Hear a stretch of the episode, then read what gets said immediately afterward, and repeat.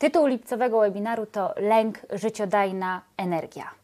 Legenda organizatorów mówi, że właśnie takim mianem nasz dzisiejszy gość określił lęk, przyjmując zaproszenie na dzisiejsze spotkanie. Nie jest to oczywiste e, porównanie. Zastanowimy się zatem, jaką funkcję w naszym życiu pełni lęk, e, jakie e, zagrożenia ze sobą niesie, ale także jakie daje nam korzyści.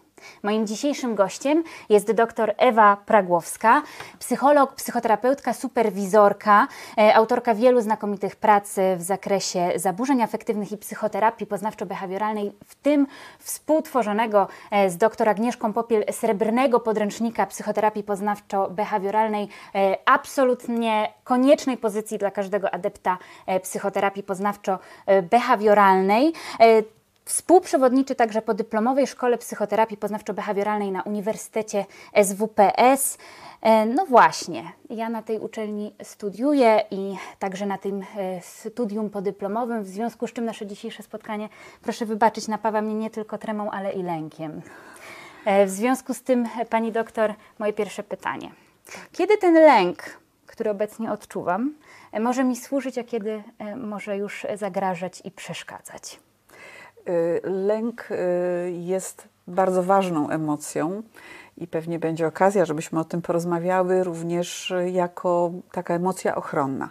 Natomiast Pewnie obie odczuwamy trochę stan wzbudzenia, yy, wiedząc, że jesteśmy oglądane, słuchane, i ta emocja, którą Pani teraz odczuwa, jeśli mam odpowiedzieć na to pytanie, ona nie dezorganizuje Pani działania. Pani jest świetnie przygotowana, sprawuje kontrolę nad tym stanem wzbudzenia. Pewnie problem zaczynałby się wtedy, gdyby ta emocja sprawiła, że odczuwałaby Pani pustkę w głowie, chciała uniknąć tej sytuacji, tego y, spotkania. Także odczuwanie wzbudzenia, które czasem nazywamy lękiem, y, samo w sobie nie jest czymś y, szkodliwym, czymś niedobrym. Pomaga nam, jest słowo trema. I wielu aktorów czy wybitnych mówców mówi o tym, że ta trema jest konieczna, żeby również lepiej się koncentrować, szybciej przypominać sobie o ważnych rzeczach, które chcemy powiedzieć.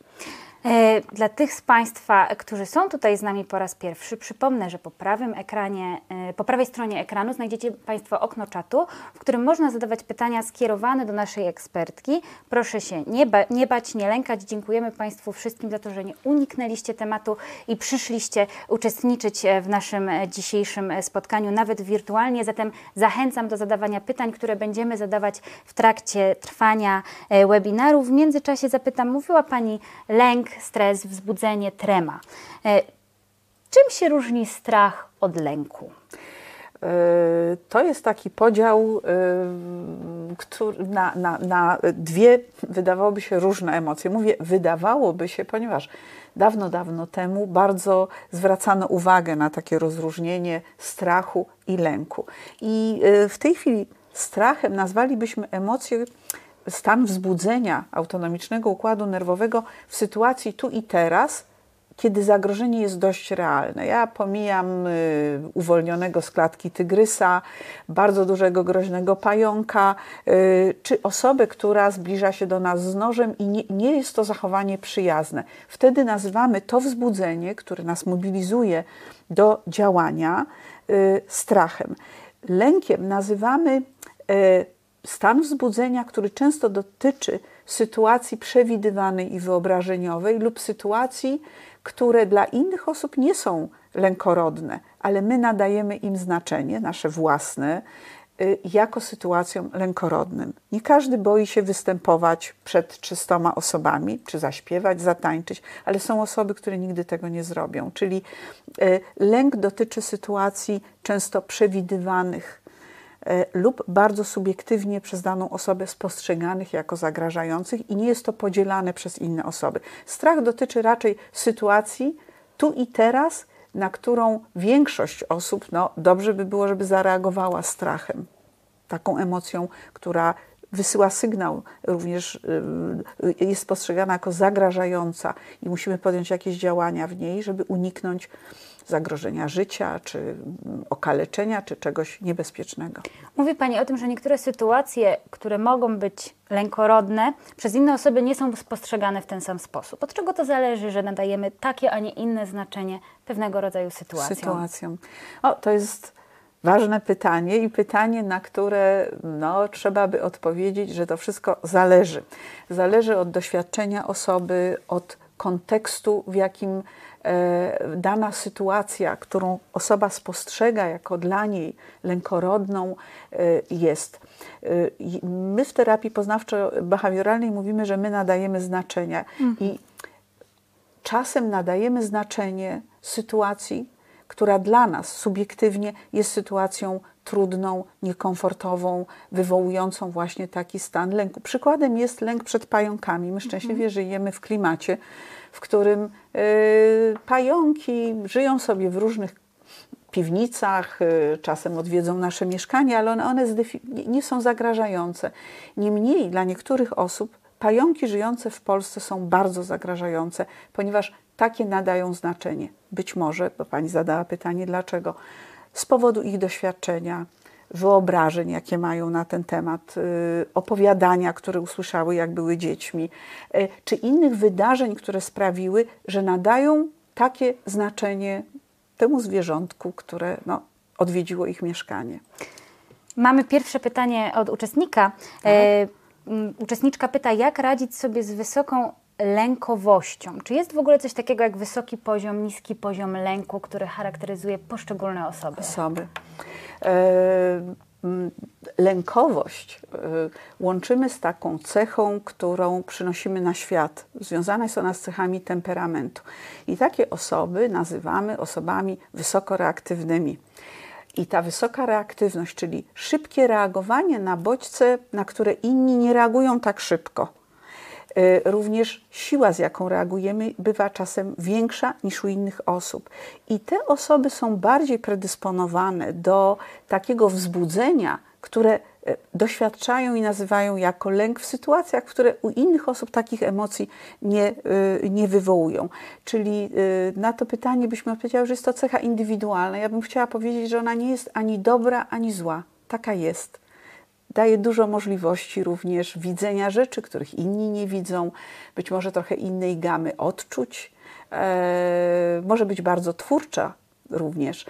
Natomiast problemem jest wtedy, kiedy łączy się e, z pewnymi określonymi sytuacjami e, i sprawia, że no, zaczynamy ich unikać. Wpływa to na nasze życie. Także sama w sobie taka lękowość nie, nie jest niczym, co no, wymaga interwencji psychologa, choć nie wiem, czy za tym pytaniem nie kryje się jak, jak, jakaś konkretna sytuacja, którą osoba zadająca pytanie ma na myśli, że na przykład boi się ludzi bardziej, albo wychodzenia z domu, albo nawiązywania relacji z osobami, których nie zna. No to pięknie Pani wprowadziła kolejne pytanie. W takim razie, jakie mamy rodzaje zaburzeń lękowych? To nie jest jedno jedna jednostka, której e, skłania, do której te wszystkie lęki wchodzą. Możemy ją podzielić na pewne rodzaje zaburzeń, z którymi ludzie zmagają się tak. na co dzień.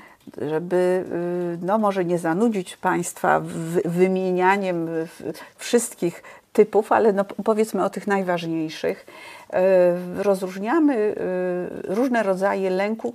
To, jaki jest to lęk, zależy od tego, mm, co go wywołuje tak jak powiedziałam na początku naszej rozmowy, znaczenie, jakie nadajemy różnym sytuacjom czy bodźcom. I no może zacznijmy od lęku, który nazywa się takim lękiem uogólnionym. To są osoby, które yy, hołdują temu, co się mówi, że trzeba wszystko przewidzieć i martwią się trochę na zapas. Tak bardzo się martwią, że aż przestaje to być konstruktywne. Otoczenie często jest tym zmęczone i mówi: Ty się wszystkim zamartwiasz. I te osoby martwią się tym, że się martwią, a nie bardzo mogą przestać się martwić. W skrócie, tak byśmy nazwali y, to zaburzenie lękiem uogólnionym. Należy dodać, że wszystkie typy lęku, o jakich będę mówiła, wiążą się ze stanem wzbudzenia autonomicznego układu nerwowego i są doświadczane jako niemiłe. O, mamy takie zaburzenie lękowe, które nazywa się zaburzeniem obsesyjno-kompulsyjnym. To jest zaburzenie, w którym mamy myśli, mm, często uważamy, że te myśli, y, znaczy te myśli sprawiają, że wykonujemy różne czynności. Na przykład y, musimy coś sprawdzać wielokrotnie i ciągle mamy wątpliwości, ale bo mamy myśli, takie nazywamy je obsesyjne, ponieważ one trochę wymykają się spod kontroli naszej. My nie chcemy myśleć o nich, jak na przykład, że komuś zrobimy krzywdę, albo że brzydkie słowa przychodzą nam do głowy. I te myśli, żeby je zatrzymać, wymagają od nas pewnych rytuałów. To znaczy, my odkrywamy, że wykonanie pewnego rytuału, zachowania, policzenia, e, wymienienie jakiejś magicznej liczby albo wypowiedzenie jakiegoś słowa sprawi, że one maleją. Jest to mm, zaburzenie, które no, jest związane z ogromnym cierpieniem, czasem spostrzegane jest jako dziwactwo przez otoczenie, ale ja chcę powiedzieć, że ono, y, uważniam cierpienie, jakie z nim y, jest związane. No, są jest zaburzenie lękowe zwane napada, związane z... To jeszcze tak, zanim przejdziemy tak do tego jest. zaburzenia, bo nasi y, widzowie są bardzo czujni i już dopytują, jak tak. sobie radzić z hamowaniem obsesyjnych myśli. myśli. W jaki sposób radzić sobie mm. z tego typu myślami? Y, tutaj, jeżeli y, one rzeczywiście są tak jak powiedziałam, wpływają na życie osoby, która tego doświadcza, także jej aktywność zawęża się. W zasadzie w takiej skrajnej formie można powiedzieć, że to są osoby, które żyją tymi rytuałami, nie mogą wyjść z domu, bo wielokrotnie sprawdzają, e, czy drzwi są zamknięte, czy wracają, czy y, wykonują ruchowe rytuały, które są widoczne dla otoczenia, co sprawia, że te osoby no, wycofują się z życia, to bym powiedziała, że warto skorzystać z pomocy psychoterapeuty, bo ja nie chcę uniknąć odpowiedzi na to pytanie, Oczywiście. ale mm, przy pomocy innej osoby możemy próbować. Y, y, punkt pierwszy, dowiedzieć się o tym zaburzeniu, czyli taka edukacja, że to nie jest nic groźnego samo w sobie, że to są myśli i że kiedy nie wykonamy tego rytuału, to ten lęk i napięcie i tak opadnie to jest uroda lęku, o czym może jeszcze będzie okazja powiedzieć, że dobrze jest stworzyć pewien taki plan, e, który ułatwi nam e, zmniejszanie liczby tych rytuałów. Jak również są sposoby zastępowania myśli, które są takie obsesyjne, natrętne, e, trochę innym stanem umysłu na przykład technikami, być może nasi tutaj rozmówcy wiedzą, taką dosyć teraz powszechnie mm, znaną, jak na przykład uważność, mindfulness czy medytacja. Jednym słowem, uwolnienia trochę mentalnego od tej natrętnej myśli, tak żeby osłabić e, połączenie między myślą a koniecznością wykonania tego rytuału. Oddzielić to, dlatego że my mamy na to wpływ, ale samemu czasem jest dość trudne e, zaplanowanie takiej serii ćwiczeń i ekspozycji z powstrzymaniem tej reakcji rytualnej. Dobrze, jak to jest ktoś, profesjonalista mhm. obok nas, e, po to, żeby no, czuć również się bezpiecznie w sytuacji, która dla osoby, która chce się pozbyć tych rytuałów, to jest bardzo trudna sytuacja, bardzo lękorodna, kiedy ona nie może wykonać tego rytuału i spodziewa się, że to będzie miało złe konsekwencje. E, Marek dzieli się taką refleksją, że w Polsce jest mało wiedzy na temat lęków, że ludzie nie rozumieją osób zmagających się z tymi e, zaburzeniami. Ja mam takie pytanie, czy to jest tak, że faktycznie zaburzenie lękowe automatycznie wyklucza nas z życia społecznego, zawodowego? Mhm. Czy to jest tak, że wiele osób, które spotykamy w swoim codziennym życiu, funkcjonują z tym wysokim poziomem lęku, a my no, widzimy jakieś pojedyncze przesłanki, pojedyncze objawy tego, że taka osoba może czegoś takiego doświadczać. Mhm. Jak wówczas możemy wesprzeć takie wesprzeć. osoby? Ja, ja, może odniosę się, bo to jest bardzo ważne stwierdzenie mm, pana Marka, że wiedza na temat zaburzeń lękowych nie jest taka powszechna, mimo że zaburzenia lękowe y, w ocenie WHO są na pierwszym miejscu w tak zwanym współczesnych czasach. Kiedyś to była depresja, teraz jest lęk i zaburzenia snu. Lęk y, daje ogromny dyskomfort i czasem osoby, które doświadczają tego lęku związanego, ja jeszcze raz powiem, jestem terapeutą poznawczo-behawioralnym, z tym, że tak, a nie inaczej spostrzegają jakąś sytuację, która dla innych nie jest lękorodna, słyszą, to jest nerwica, to nic nie jest tylko nerwica. Dostają dwa sprzeczne komunikaty, e, bo tak kiedyś lękowe zaburzenia za nerwicą. I bez wątpienia e, wiedza na temat lęku e, byłaby potrzebna i edukacja, że jest to emocja przypisana nam, dana nam, tak naprawdę ma nam służyć, a nie przeszkadzać. I to, co pani zwróciła uwagę, że osoby z lękiem wkładają często bardzo dużo energii, żeby ten lęk opanować. I to wpływa na ich życie. Nie żyją pełnią swoich możliwości, e, nie korzystają z zasobów, jakie mają, e, ponieważ są skupione na tym, żeby otoczenie nie zauważyło tego, jak bardzo jest to dla nich trudne. Ja, ja chcę powiedzieć, że osoby, które doświadczają lęku, jeśli nas słuchają, to wiedzą, o czym my mówimy. Często otoczenie mówi: wracaj do pająka, czego ty chcesz? Przecież to jest, no, no, nie, nie, nie, nie rób problemu z niczego, podczas kiedy no, ja znam pacjentkę, która planowała sprzedaż domu z powodu winorośli i pająków, lub osoby, które nie korzystają z wyjazdów do atrakcyjnego kraju, bo ten lęk im to y, utrudnia. I wiele osób doświadczających lęku uważa, że coś z nimi jest nie tak, w związku z tym wkładają dużo energii, żeby ukryć to przed otoczeniem.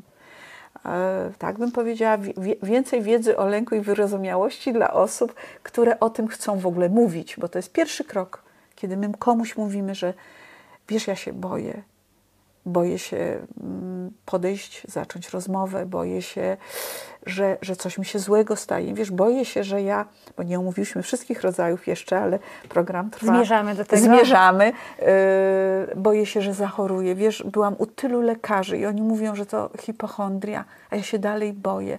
No, apelu, a propos hipochondrii. Tak, o więcej takiej empatii wobec osób, które mają lęk. A propos hipochondrii, jest pytanie o hipochondrię właśnie. Jakie są objawy, początkowe objawy hipochondrii. Tak ujmuje to nasz słuchacz. Czy da się jej zapobiec, czy da się zapobiec rozwojowi tej hipochondrii u takiej osoby, która ma ku niej tendencję, nie wiem dokładnie, co miał na myśli mhm. autor, jeżeli może doprecyzować, to zachęcamy, e, ale zastanawiam mnie, co wówczas, kiedy faktycznie cierpimy fizycznie, różne dolegliwości nam się zdarzają, a jednocześnie pojawia się ta bardzo duża, silna, lękowa myśl, czy to mhm. choroba, czy tu mhm. jeszcze, czy nie zachoruję, czy nie stanie mi się coś strasznego. Strasznego.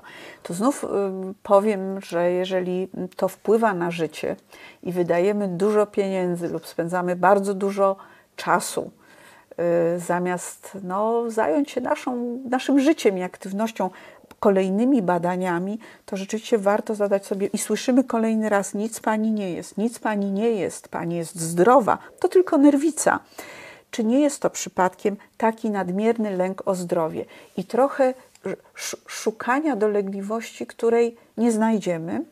Hipochondria również y, jest taką lekcją o tym, że czasem musimy żyć z pewną dozą niepewności. Są osoby, które w ogóle nie zastanawiają się, czy są zdrowe, czy chore, a na przykład powinny korzystać z badań profilaktycznych. Czyli mm, znów ja zacznę od tego, że pomocą jest y, wiedza na temat, że to jest nadmierny lęk przed tym, że małe znamie, czerwona plamka, przyspieszone bicie serca, bo jest to zaburzenie lękowe, więc objawy wegetatywne narastają, pojawiają się drętwienia, rąk, przyspieszone bicie serca, któremu towarzyszy no, czasem wzrost ciśnienia, trudności z jedzeniem, stany różne dotyczące pracy naszych jelit, że y, to, jest, to jest y, zaburzenie lękowe, ja go nie bagatelizuję, wymagające uwagi, pomocy. I znowu tutaj jest edukacja, y, przeformułowanie również sposobu patrzenia na własne ciało, zobaczenie, że część objawów my wywołujemy trochę sami, skupiając się nad pewnymi sygnałami z naszego ciała. I znowu je, profesjonalista na pewno pomoże przez to przejść. Mam też wrażenie, że coraz większa y, świadomość tego wśród także y, profesjonalistów lekarzy, którzy coraz częściej sugerują i odsyłają y, tak. do psychoterapeutów osoby, y, które nie mogą otrzymać diagnozy medycznej sensu mhm. stricte. Bardzo nam rozgorzała tutaj dyskusja na czacie. Pojawia się pytanie, jak próbować powstrzymać, zmniejszyć somatyczne objawy lęku. O tym jeszcze nie mówiłyśmy, Mhm. ale faktycznie zdarza się tak, że czasami ten lęk odczuwamy e, w postaci jakiejś dolegliwości płynącej z ciała. Jak wówczas zdiagnozować, że to może być w jakiś sposób Mhm. połączone z tym lękiem, skoro przecież mnie tylko boli brzuch albo Tak. tylko mnie boli głowa? No, znów odwołam się do mojego ulubionego modelu teoretycznego, że dobrze jest sobie zadać pytanie, w jakiej sytuacji pojawił się y, ta dolegliwość, co ja wtedy sobie, jaka to była sytuacja, co ja sobie wtedy pomyślałam, jaką poczułam emocję. No tu możemy powiedzieć, że może to być prawdopodobnie lęk i jakie wystąpiły jeszcze poza bólem żołądka objawy somatyczne. I jeżeli złapiemy tą myśl, która towarzyszyła y, danej sytuacji, to warto jakby podrążyć dalej. E, y, no, jeżeli to jest tak, jak ja myślę, to jak, co by to o mnie mówiło? Jakie by to miało dla mnie znaczenie? No, żeby to nie być gołosłowną. Jeżeli ja poczuję uścisk, ścisk żołądka w sytuacji, w której ktoś mówi, no wiesz, Ewa, nie wypadło to najlepiej, I moja pierwsza myśl, taka bardzo gorąca, jest o jej znów porażka. To jest pytanie, gdyby to tak naprawdę było, to co by to o mnie mówiło, jakie by miało dla mnie znaczenie? Okazuje się, że te dolegliwości y, towarzyszą y, pewnym myślom, jakie my mamy na temat danej sytuacji, jak my ją spostrzegamy, jakie nadajemy znaczenie. Czy to jest koniec świata, albo że ja już nic nie potrafię, a jeśli nic nie potrafię, no to czas być może usunąć się z życia, przestać być aktywnym. Także e, tak bym powiedziała, że warto przyjrzeć się myślom, które pojawiają się w sytuacji, w której odczuwamy taki stan wzbudzenia. Dobrze jest zobaczyć, czy tego wzbudzenia jest, bo pytanie było, jak sobie radzić, Tak. więcej czy mniej, jeśli chodzi o nasze indywidualne cechy i predyspozycje, bo jeżeli więcej, to warto zobaczyć, czy takich sytuacji, czy, czy, je, czy one są jakoś podobne w czymś, czy one się pojawiają wtedy, kiedy ja poznaję nową osobę, czy kiedy mam referować przed klasą albo przed szefem jakiś raport, y, czyli czy dotyczy to występów publicznych, czy być może wieczorem nie mogę zasnąć i opracowywuję najbardziej dokładne scenariusze, y, co może wydarzyć się mnie, moim bliskim następnego y, dnia, czy też może zaczynam unikać wychodzenia do, w miejsca takie jak kino, teatr, zgromadzenia publiczne czy sklep, bo boję się, że zasłabnę. Jeżeli tego jest więcej, to jest pytanie, czy my możemy, bo trzymam się pytania, y, wpłynąć na zmniejszenie stanu wzbudzenia metodami, jakie, jakie są dostępne. Taką jedną z prostszych to jest wyregulowanie oddechu, ale też zadbanie trochę o higienę snu, trochę o takie zmniejszanie poprzez koncentrowanie i alokację myślenia w trochę inne punkty niż tylko takie lunetowe patrzenie na sytuacje lękorodne. Ja wiem, że to się łatwo mówi, ale zapewniam, że to można wyćwiczyć. Próbowałam zapytać panią doktor o wszystkie zaburzenia lękowe, ale o to dopytują nasi widzowie, y, delikatnie podsuwając nam kolejne punkty, które warto, żebyśmy omówiły. Napady paniki. Czy możemy sobie z nimi radzić? W jaki sposób sobie z nimi radzić? Jak zapobiegać atakom paniki? Czy istnieje jakiś sposób, który pomoże osobie doświadczającej tego napadu, tego typu napadu opanować go w początkowej jego fazie? fazie. Mhm. E, Dobra wiadomość, że tak.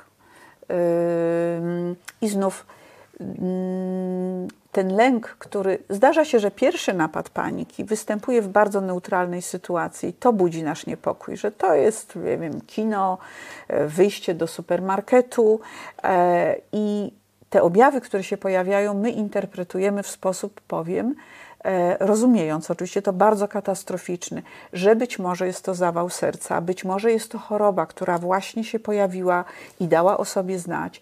Czasem osoby z napadami paniki mają tak one tak są silnie wzbudzone, że mają wrażenie, że za chwilę zwariują, bo musimy dodać, że zamyka się błędne koło. To znaczy, jeżeli ja doświadczam objawów wzbudzenia i interpretuję je jako zagrażające, to już sama myśl o tym, że jestem w supermarkecie i za chwilę mogę stracić przytomność, nie mam pojęcia, czy ktoś zawiadomi moich bliskich, czy przyjedzie w porę pogotowie, y, powoduje, że to wzbudzenie znów wzrasta.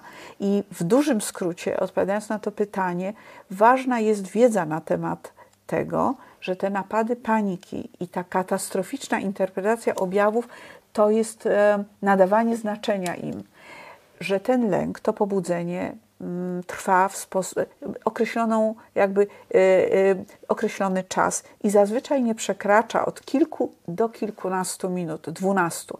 To jest taka pułapka, jeżeli ktoś nas też tu ogląda, że wzięcie tabletki oznacza ojej, przeszło mi, czy przyjeżdża pogotowie, przeszło mi. Ale to nie tabletka i przyjazd pogotowia, po prostu lęk opadł, dlatego że on nie trwa tak jak sobie czasem wyobrażamy w nieskończoność. To się nigdy nie skończy, narasta, tak? y, prowadzi do zwariowania i utraty. Dlatego warto, punkt pierwszy, na to pytanie odpowiem, y, zapoznać się z objawami lęku. Osoby, które doświadczają paniki, spełniają, znaczy wypełniają wszystkie kryteria, które są wymienione. Można sprawdzić w internecie. Dwa, Mm, uwierzyć w to, że lęk nie trwa wiecznie i sam w sobie nie zabija. E, to jest przekonanie, że on zabija, ale lęk, my przynosimy go jako hard drive. Rodzimy się z umiejętnością odczuwania lęku i proszę sobie wyobrazić, co by było, gdybyśmy jej nie mieli. E, I dobrze jest również, e, tu znów zachęcam do skorzystania z pomocy profesjonalisty, i nie jest to bardzo skomplikowana, zajmująca wiele miesięcy terapia, wyeksponować się na ten lęk. To można różnymi sposobami. Przyspieszonym oddychaniem, wirowaniem na krześle, bieganiem po schodach. Doświadczamy bardzo podobnych objawów i warto dać im szansę wybrzmieć. To znaczy je przeżyć. Przeżyć. One opadną.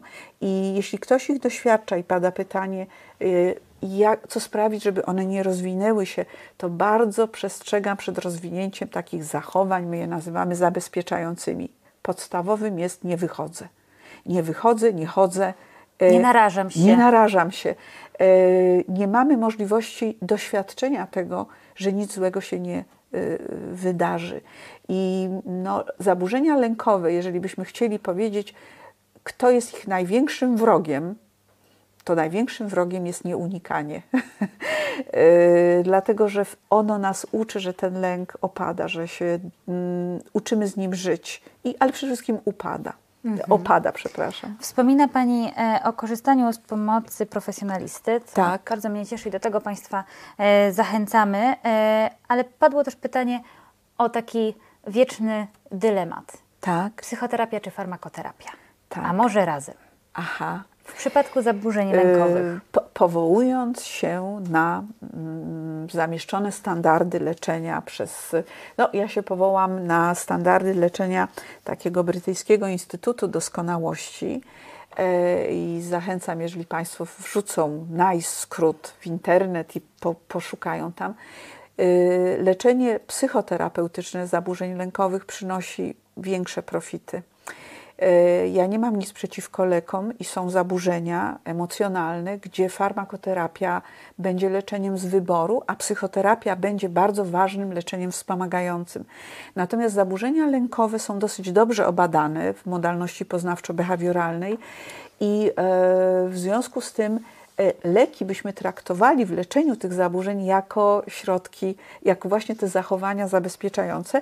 I ja powiem, że e, do takich częstych mogą należeć leki, które są tak zwane uspokajające, które e, mogą prowadzić do uzależnienia. Dwa, czasem alkohol mamy, ma nam dodać odwagi, rozluźnić. Alkohol wbrew pozorom nie zawsze rozluźnia, szczególnie jak jest pity przez osobę wzbudzoną. On może paradoksalnie wzbudzić e, i no, może prowadzić to do uzależnienia.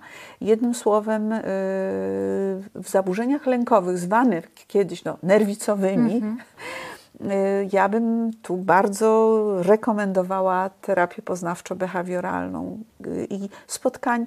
Ja, ja nie chciałabym szacować, choć jest to wybadane.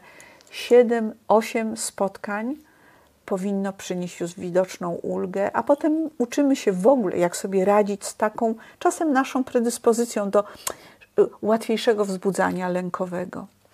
Padło kolejne pytanie, tak? myślę też o, o, taką działkę, w której pani doktor będzie miała dużo do powiedzenia i opowiedzenia. E, to jest e, lęk po traumatycznym wydarzeniu, -hmm. na przykład wypadku drogowym, mm, na przykład jakiejś atmosferycznej e, katastrofie. Naturalnym katastrofą, tak. I tu bardzo proszę rzeczywiście o czujność Pani, Pani Janna. Ja nie mogę, się zasłuchuję i nie mogę przestać. Bo jest to temat, y, gdzie, gdzie miałam przyjemność pracować w zespole z dr Papier, profesorem Zawadzkim i wielu terapeutami. Dotyczy to zaburzenia stresowego pourazowego. To jest zaburzenie lękowe. W skrócie Państwo, gdyby chcieli znaleźć informacje, to PTSD jest takim terminem, który będzie prowadził przez e, informacje i ono jest związane z bardzo szczególną sytuacją, którą nazywamy sytuacją traumatyczną. I jest definicja tej sytuacji. Trauma oznacza sytuację, w której życie nasze było zagrożone, byliśmy świadkiem utraty życia innej osoby lub narażenia jej życia. Czyli chcę powiedzieć, że czasem my tego słowa nadużywamy.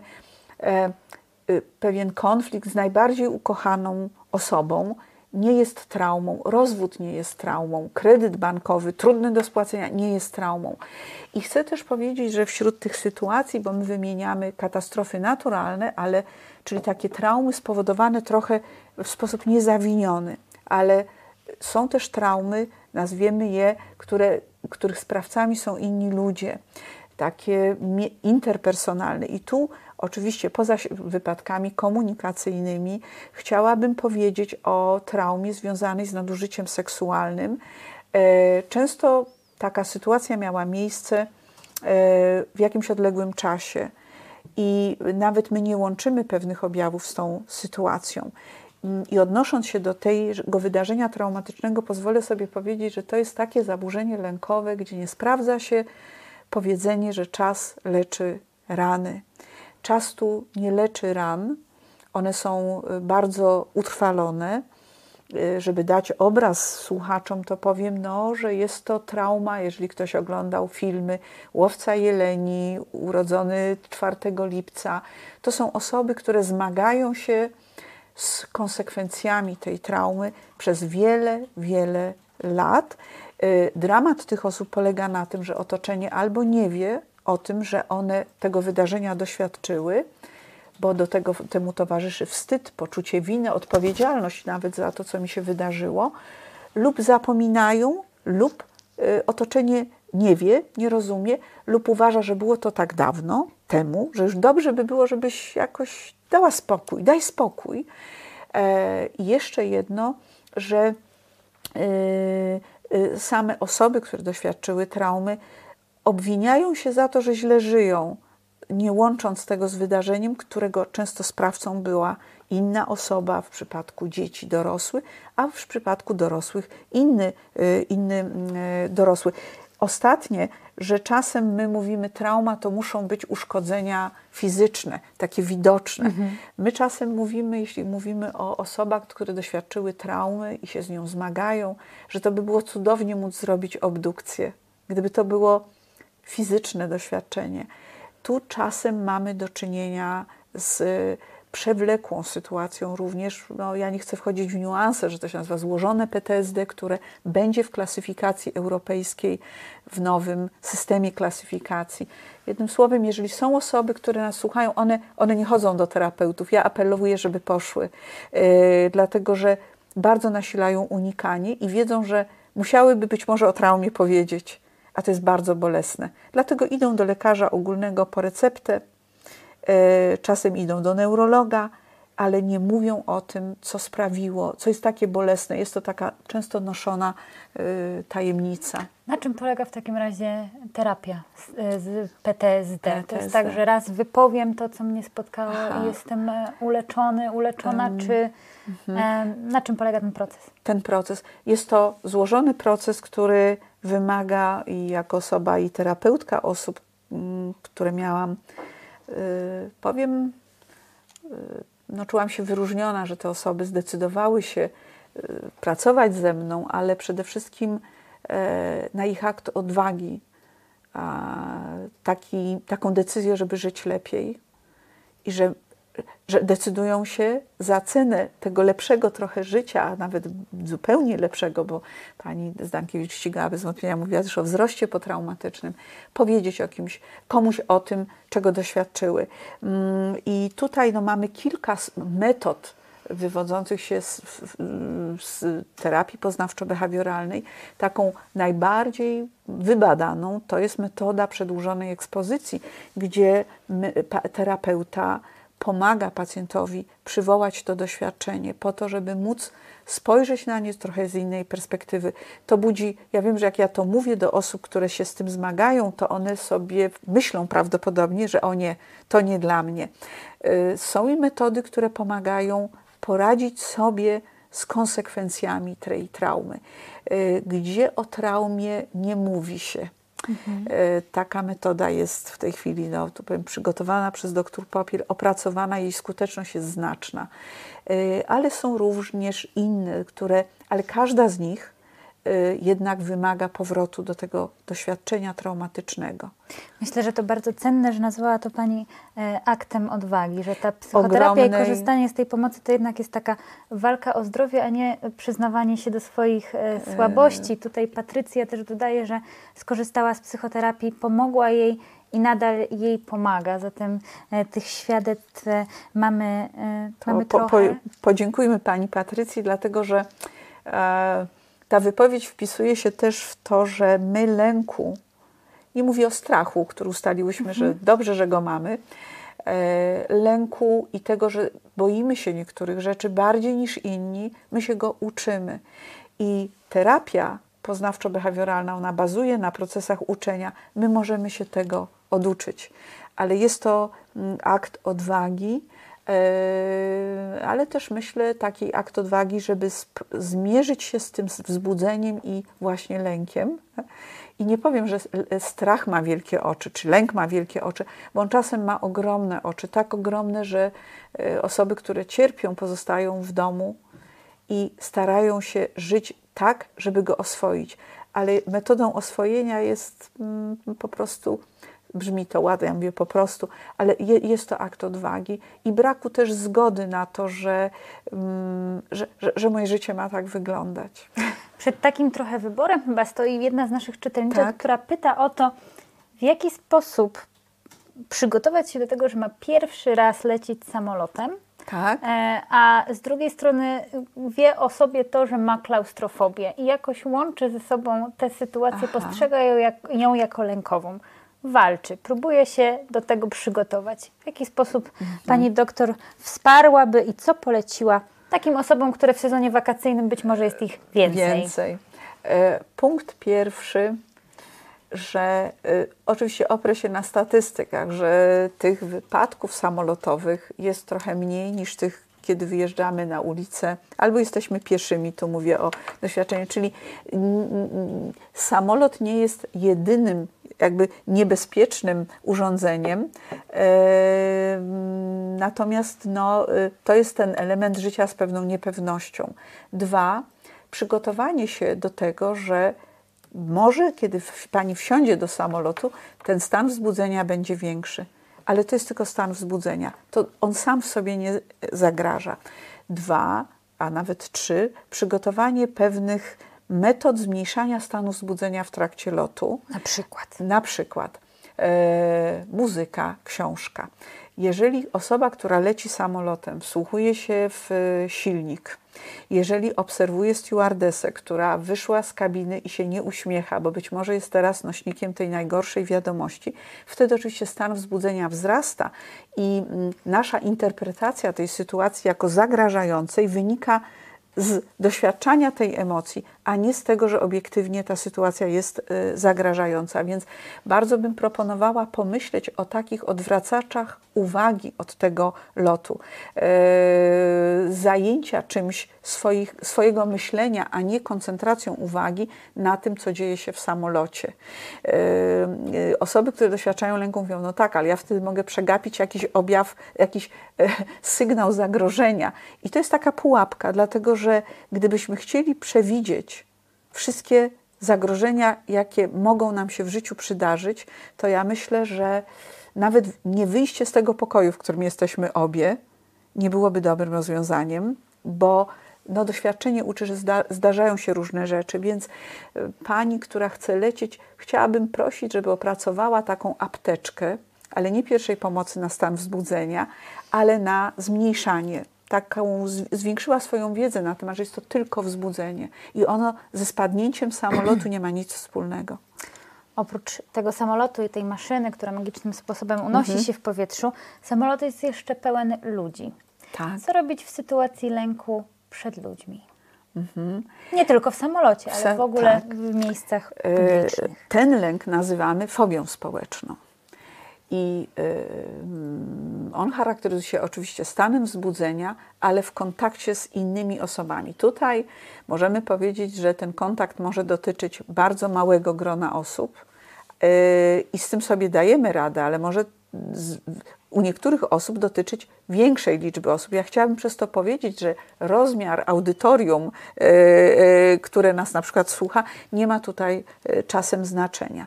I ponieważ towarzyszy temu stan wzbudzenia, to znowu ro, troszkę rozróżniamy osoby, które w trakcie takiej ekspozycji spodziewają się, że będą wzbudzone i że otoczenie widzi te objawy, że się czerwienimy, że drżą nam ręce, że być może załamuje nam się głos i tak bardzo skupiają się na tych objawach, że, że żeby nie były one zauważone, że rzeczywiście to bardzo trudno jest e, mówić i skupiać się na tych objawach i myśleć o tym, że to one zostały zauważone przez widownię. Ja powiem tak, nie możemy mm, jednocześnie mówić alfabetu i liczyć automatycznie 1, 2 i ABC w związku z tym osoby, które odczuwają lęk i takie mają poczucie, że wypadają troszkę poniżej własnych możliwości, to są osoby, które skupiają się na tym, czy te objawy są zauważane przez innych, jak są oceniane. I są osoby, które powiemy nie mają niskiej samooceny, a mimo to, cokolwiek to słowo znaczy ten zwrot, yy, odczuwają niepokój przed występami, ponieważ one chciałyby wypaść bardzo dobrze. One nie bardzo myślą co czują, jakie objawy somatyczne, ale spoglądając na widzów, odczytują w ich twarzach, czy to jest wzbudza zachwyt, czy być może ziewnięcie kogoś w kącie jest oznaką krytyki, czy to, że ktoś z, kim, z kimś rozmawia lub szuka czegoś w telefonie jest oznaką znudzenia. Czyli e, znów wracamy do modelu ABC, zwanego tak mówimy w terapii, czyli A, jakie sytuacje, w których są inni ludzie, powodują, że odczuwam lęk i wzbudzenie i co ja sobie wtedy myślę i co ja wtedy robię. Dlatego, że najczęściej my wybieramy różnego typu zachowania, które wcale nie służą obniżeniu lęku paradoksalnie, choć nam się tak wydaje. I znów najpowszechniejszym jest, najbardziej takim stosowanym jest, że kiedy osoba doświadczająca lęku wobec innych osób ma zaproszenie na fantastyczną imprezę, powie: Dziękuję. Yy, może przygotować ciekawy wykład dla dziesięciu osób. Odpowie, nie bardzo dysponuje czasem. I po jakimś czasie takie propozycje nie padają. Nasze otoczenie też się wyucza. I wtedy, kiedy po roku niebywania nigdzie padnie propozycja, ale może byś jednak przyszła, y, no, no to, to, to budzi jeszcze większy lęk, ponieważ przestaliśmy ćwiczyć. Opanowanie lęku wymaga ćwiczenia i nie unikania. To jest najważniejsze. I nie unikania, ale kolejne pytanie brzmi, jak sobie radzić z lękiem, w którego źródła my nie potrafimy określić. To znaczy, mhm. mam taki stan wzbudzenia, zastanawiam się, jakie to sytuacje, mhm. jakie mhm. nadaje im znaczenie i nic. I nic. Y, tu muszę powiedzieć, że trudno mi jest przyjąć taką mm, koncepcję, ponieważ nasz mózg zawsze jest aktywny i działa. I jeżeli odczuwamy y, jakiś niepokój i mówimy, że no badamy w jakich sytuacjach on występuje i nie możemy znaleźć takiej sytuacji, no to pozostaje pytanie, czy przypadkiem nie pijemy za dużo kawy, czy nie używamy y, może jakichś substancji, które nas wzbudzają, czy być może od dawna bardzo mało śpimy, e, czy być może, tutaj powiem, należałoby zapytać lekarza, o to, no bo są, ja nie jestem lekarzem i nie chciałabym tutaj wymieniać, ale różnego typu dolegliwości związane z y, aktywnością tarczycy mogą dawać takie stany wzbudzenia, o których my mówimy, ale naprawdę, naprawdę Ja niczego się nie boję. Ja, nie ma, że ja się czegoś boję, niemniej odczuwam ten stan wzbudzenia. Ale jeżeli jest to któryś z tych zaburzeń lękowych, ono zazwyczaj ma swój odpowiednik poznawczy. E, warto wtedy, co dedykuję osobie, która no, ma taką, to się może zdarzyć, wymieniłam w jakich sytuacjach, ale wziąć siebie tak na bok i szczerze zapytać, co ja sobie pomyślałam w sytuacji, kiedy poczułam ten dyskomfort. Plus zadbać też o tą coś, co jest takim zwrotem, wydaje się, nadużywanym, ale bardzo ważnym, o taką higienę codziennego funkcjonowania i proporcji snu i czuwania, które mogą dawać takie stany wzbudzenia. Mówimy o osobach, które doświadczają lęku, ale Anna pyta, e, w zasadzie dzieli się tym, że ma przyjaciółkę, która jest lękowa, tak ją określa. Jak jako osoba z boku, osoba towarzysząca mogę ograniczyć jej napady paniki? Aha. Y, o napadach paniki trochę mówiłyśmy, mhm. Ale no, przyjaciółka to jest ktoś, kogo byśmy nazwały, y, bo pani też ten model jest bliski, taką bezpieczną bazą. Ale nie chodzi o to, żeby przyjaciółkę wyręczać i zapewniać, że nic złego się nie stanie i tłumaczyć jej, ale chodź, bo zobaczysz, że nic złego się nie stanie. Warto być może przygotować się na rozmowę, no, czego się boi, co by mogło takiego się złego wydarzyć. Jednym słowem, ja bym powiedziała, nie zapewniać, że nie masz się czego bać, bo to jest osoby, które doświadczają lęku, często to słyszą, ale my mówimy to z perspektywy osób, które lęku nie doświadczają. Być może również porozmawiać o naturze lęku. Powiedzieć, my będziemy razem. Jeżeli by się tak zdarzyło, że stracisz przytomność, zawał serca i zwariujesz, ja będę przy tobie. E, e, naszym celem jest, żeby przyjaciółka funkcjonowała bez nas, ale jeżeli chcemy, żeby się z tym skonfrontowała, żeby nie unikała, to dobrze jest stworzyć sytuację, w której bliska nam osoba skonfrontuje się z tym lękiem. Czasem wymaga to pewnej, my nazywamy to takiej hierarchii, znaczy nie wrzucania od razu kogoś, kto się boi pływać na głęboką wodę i pewnego oswajania, stopniowego, dobierania sytuacji, w które wywołują najmniejszy lęk, potem ten trochę większy, więc możemy być trochę terapeutami dla naszych przyjaciółek i osób bliskich. To tak robimy wychowując dzieci na przykład, że no, oswajamy je z różnymi trudnymi sytuacjami. Ale gdyby to narastało, również proponuję kontakt z terapeutą. I również można być wsparciem w podjęciu takiego działania. Można być wsparciem, y, można potem razem ćwiczyć z przyjaciółką pewne sytuacje, być takim koterapeutą. I tutaj terapeuta poznawczo-behawioralny może nawet powiedzieć, jak, jak, jak my mamy się zachowywać i w czym pomóc, y, żeby takim koterapeutą trochę być. Milena dopytuje, jak sobie w takim razie radzić z lękiem przed sytuacjami, których nie unikniemy i wiemy o tym, że ich nie unikniemy. Na przykład starość, śmierć, strata bliskich osób. Do mhm. jednego e, z takich e, lęków też teraz dołączyło zmiany klimatu. Mm -hmm. To jest bardzo trudne pytanie, dlatego że trudno jest zanegować fakt, że się starzejemy i nie chciałabym płoszyć dziś Państwa newsem dnia umrzemy. I to jest, znów wracamy do pewnej filozofii życia, że my żyjemy, my czasem sobie nie zdajemy sprawy, z jaką dużą dozą niepewności my żyjemy. No, gdyby się nad tym zastanowić, to nie powinniśmy rano wstawać z łóżka, bo może nam się bardzo wiele rzeczy wydarzyć. Ale podejmujemy aktywność. I niektórzy mówią, a ja w ogóle o tym nie myślę. Więc jeżeli boimy się starości, to dobrze zadać sobie też pytanie, czego ja się boję w tej starości, nie zawsze możemy pewne zmniejszyć ryzyko, ale czy warto jest tracić energię na zastanawianie się nad tym, y, wiedząc, że to jest nieuchronne? No, chyba, że ktoś postanowi swoje życie zamknąć, kiedy jest bardzo młody, ale wtedy tracimy bardzo dużo y, też z tego życia. I też zachęcam do porozmawiania z osobami, które na przykład, jeśli ktoś się boi starości, czy one tak samo spostrzegają starość? Bo nie jest to prawda. To jest też prawda o zaburzeniach lękowych, ale i o życiu, że nie jest prawdą, że wszyscy ludzie podzielają naszą filozofię życia, nasze smutki na temat życia y, i nasze lęki dotyczące życia i zmian klimatycznych. No one są. Wierzmy, że ludzkość coś wymyśli. Mm, mówi się o Marsie, ale nie, nie zawsze to, co nam się wydaje, że będzie dla nas groźne. Ja dam przykład na przykład rozwodu. Y, wiele osób mówi: Ja żyję nie tak, jakbym chciała, ale boję się konsekwencji. Jeśli zrobię coś, czego nigdy nie robiłem, nie robiłam, jak to będzie. Że warto pomyśleć o rzeczach, które być może będę mogła robić. I nie wszystko, co zmienia się, my lubimy w życiu mieć taką pewność, że każda decyzja zakończy się sukcesem albo czymś, my mówimy, pozytywnym. Y, w tym czymś, co się nazywa negatywne, a każde, dla każdego znaczy to często co innego, mhm. Y, jest zawarta możliwość rozwoju też. To nie, są, to nie są truizmy. Nie chciałabym, żeby to, co mówię, brzmiało jak, jak truizm. No, ja, ja w to wierzę.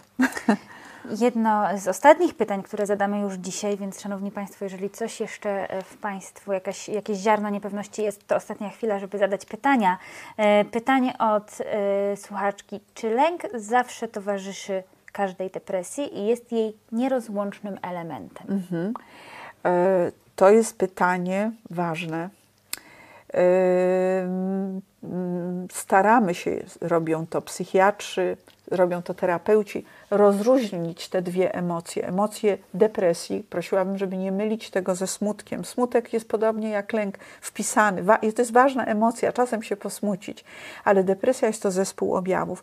I depresji towarzyszy często stan wzbudzenia, który jest w ogóle niezauważalny przez otoczenie. Bo I osoba zamiera w aktywności ta, która doświadcza depresji i odczuwa ten stan wzbudzenia i lęk. On jest bardzo typowy, znaczy on nie jest takim zaburzeniem lękowym, o jakim sobie tu mówiliśmy, ale w depresji osoba, która leży, również doświadcza stanu pobudzenia i wzbudzenia, ale może być odwrotnie, że osoba, która doświadcza lęku, na przykład zaburzenia stresowego pourazowego, które, jak mówiłam, jest zaburzeniem lękowym, doświadcza też depresji i smutku, bo nagle okazało się, że życie yy, no, bardzo było dla niej raniące że już nie może ufać innym, tak jak, do tej, jak ufała przed wydarzeniem traumatycznym. I wtedy pojawia się smutek, czyli nie chciałabym, y, znaczy zamienia się tu w takiego diagnostę, ale dla terapeuty to jest dosyć istotne pytanie, to, które pani zadała, jakby o to, czy bardziej najpierw był smutek, i on doprowadził do takiego stanu też również wzmożonego niepokoju. Czy najpierw był lęk, ale on związany na przykład z PTSD albo z zamartwianiem. Bardzo często osoby mają obniżony nastrój. Osoby z fobią społeczną również pojawiają się objawy depresji. Jeszcze raz powiem, nie smutku, ale depresji. Nie śpią, nie jedzą, tracą sens życia, mają ograniczoną aktywność, nie odczuwają przyjemności z takich codziennych rzeczy, z które E, które kiedyś napawały ich takim dobrym nastrojem. Także e, to, to, to jest bardzo ważne pytanie i też wierzę, że profesjonalista e, no, będzie umiał ocenić, gdzie przyłożyć punkt ciężkości. I to, to pani wskaże, co jest ważne. Czy najpierw smutek, czy najpierw ten lęk, ale mogą współwystępować bez wątpienia. Wspominała już Pani odrobinę o tym, ale myślę, że warto, żebyśmy ten wątek poruszyły raz jeszcze. Lęk, a używki. W jaki sposób te czynniki ze sobą korelują, y, czy korelują? Tak, korelują. Y, one korelują w taki sposób, że używki albo substancje psychoaktywne mogą być, możemy sięgać po nie, żeby zmniejszyć stan wzbudzenia, poprawić sobie nastrój. Ja powiem na frasunek dobry trunek, mówi polskie e, przysłowie, i niektórzy uważają, że jest to prawda. I problem jest wtedy, kiedy używki stymulują. Ja tu myślę, powiem o marihuanie, i zdarzyło mi się w mojej praktyce mieć kilku młodych pacjentów z napadami paniki, odwiedzającymi oddziały e, szpitalne, wzywających pogotowie. I dla nich odkryciem było to, co no, szczerze mi powiedzieli, że pierwsze napady paniki były związane z, właśnie z marihuaną. I może też być tak, że próba, yy, która jest cenna, odstawienia używek powoduje wzrost niepokoju. Mm, jak Państwo wiedzą, ja nie chcę tu siać na, pod koniec tymi mądrościami, że klin klinem, że czasem objawy poalkoholowe, które dają taki stan pobudzenia, no one się redukują po napiciu kolejnym. E, czy podobnie może być z substancjami psychoaktywnymi. Także y, rzeczywiście substancje psychoaktywne i zaburzenia lękowe i nastroju, w ogóle regulacji emocji, ona jest trochę, żeby nie powiedzieć bardzo czasem upośledzona, zmieniona i mm, proszę też to brać pod uwagę. I podjąć próbę wtedy uporania się z takim uzależnieniem lub sięganiem po substancje, które mają pomóc mi lepiej żyć, bo to nie jest prawda, że one pomogą lepiej żyć. Szanowni Państwo, na sam koniec chciałabym poprosić pani dok Panią doktor o to, aby pokazała y, najnowszą y, publikację, jaką popełniła we współautorstwie. Współautorstwie, tak. E, Dziękuję za możliwość. specjalistami. My również e, polecamy zwłaszcza osobisty niezbędnik. Jakby Pani doktor o nim chwilę. Tak ta książka i publikacja, ona to jest taki program profilaktyki działania po przeżyciu i doświadczeniu sytuacji traumatycznej, ale myślę również sytuacji, która bardzo nas wzbudza i obciąża, stresuje, bo no, słowo stres jest takim też często używanym słowem. I tutaj są różne sposoby radzenia sobie ze wzbudzeniem, e, właśnie szukania tych myśli, które sprawiają, że sytuacje dla innych neutralne dla nas są lękorodne. Natomiast no, tutaj jest wiedza w tej innej, tej grubszej książce o tym, czym jest PTSD, jakie daje konsekwencje i y, podjęliśmy próbę działania profilaktyki.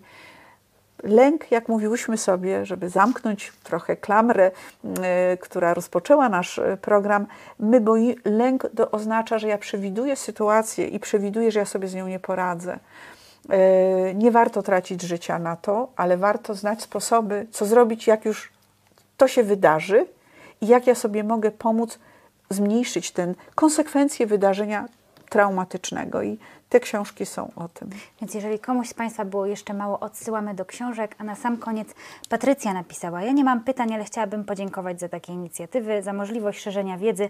Trzeba zachęcać do proszenia pomoc y, i tym optymistycznym y, komentarzem i akcentem chciałabym zakończyć y, lipcowy, lipcowy webinar Strefy Psyche Uniwersytetu SWPS. Bardzo dziękuję ja Pani doktor za spotkanie. Za spotkanie i do wszystkich osób, które nam towarzyszyły, chciałabym powiedzieć, nie bójmy się bać. Y, starajmy się patrzeć na lęki jako wyzwanie. One są na, częścią nas. Bardzo dziękuję za zaproszenie tak Państwu za udział. Teraz patrzę na spotkanie z moją mentorką. Proszę Państwa, bałam się, ale nie, nie boję się bać już więcej. Dziękuję Państwu bardzo serdecznie za spotkanie. Przypominam Państwu, e, że e, zapis z dzisiejszego spotkania e, jest dostępny na kanale, będzie dostępny na kanale Strefy Psyche Uniwersytetu SWPS. Również podcasty z dzisiejszego spotkania na SoundCloud, Spotify, Spotify, Lekton i iTunes. E, wszystkich odsyłam po więcej informacji na temat kolejnych webinarów na blog Strefy Psyche e, Uniwersytetu SWPS psyche.swps.pl. Do zobaczenia w sierpniu. Bardzo dziękuję.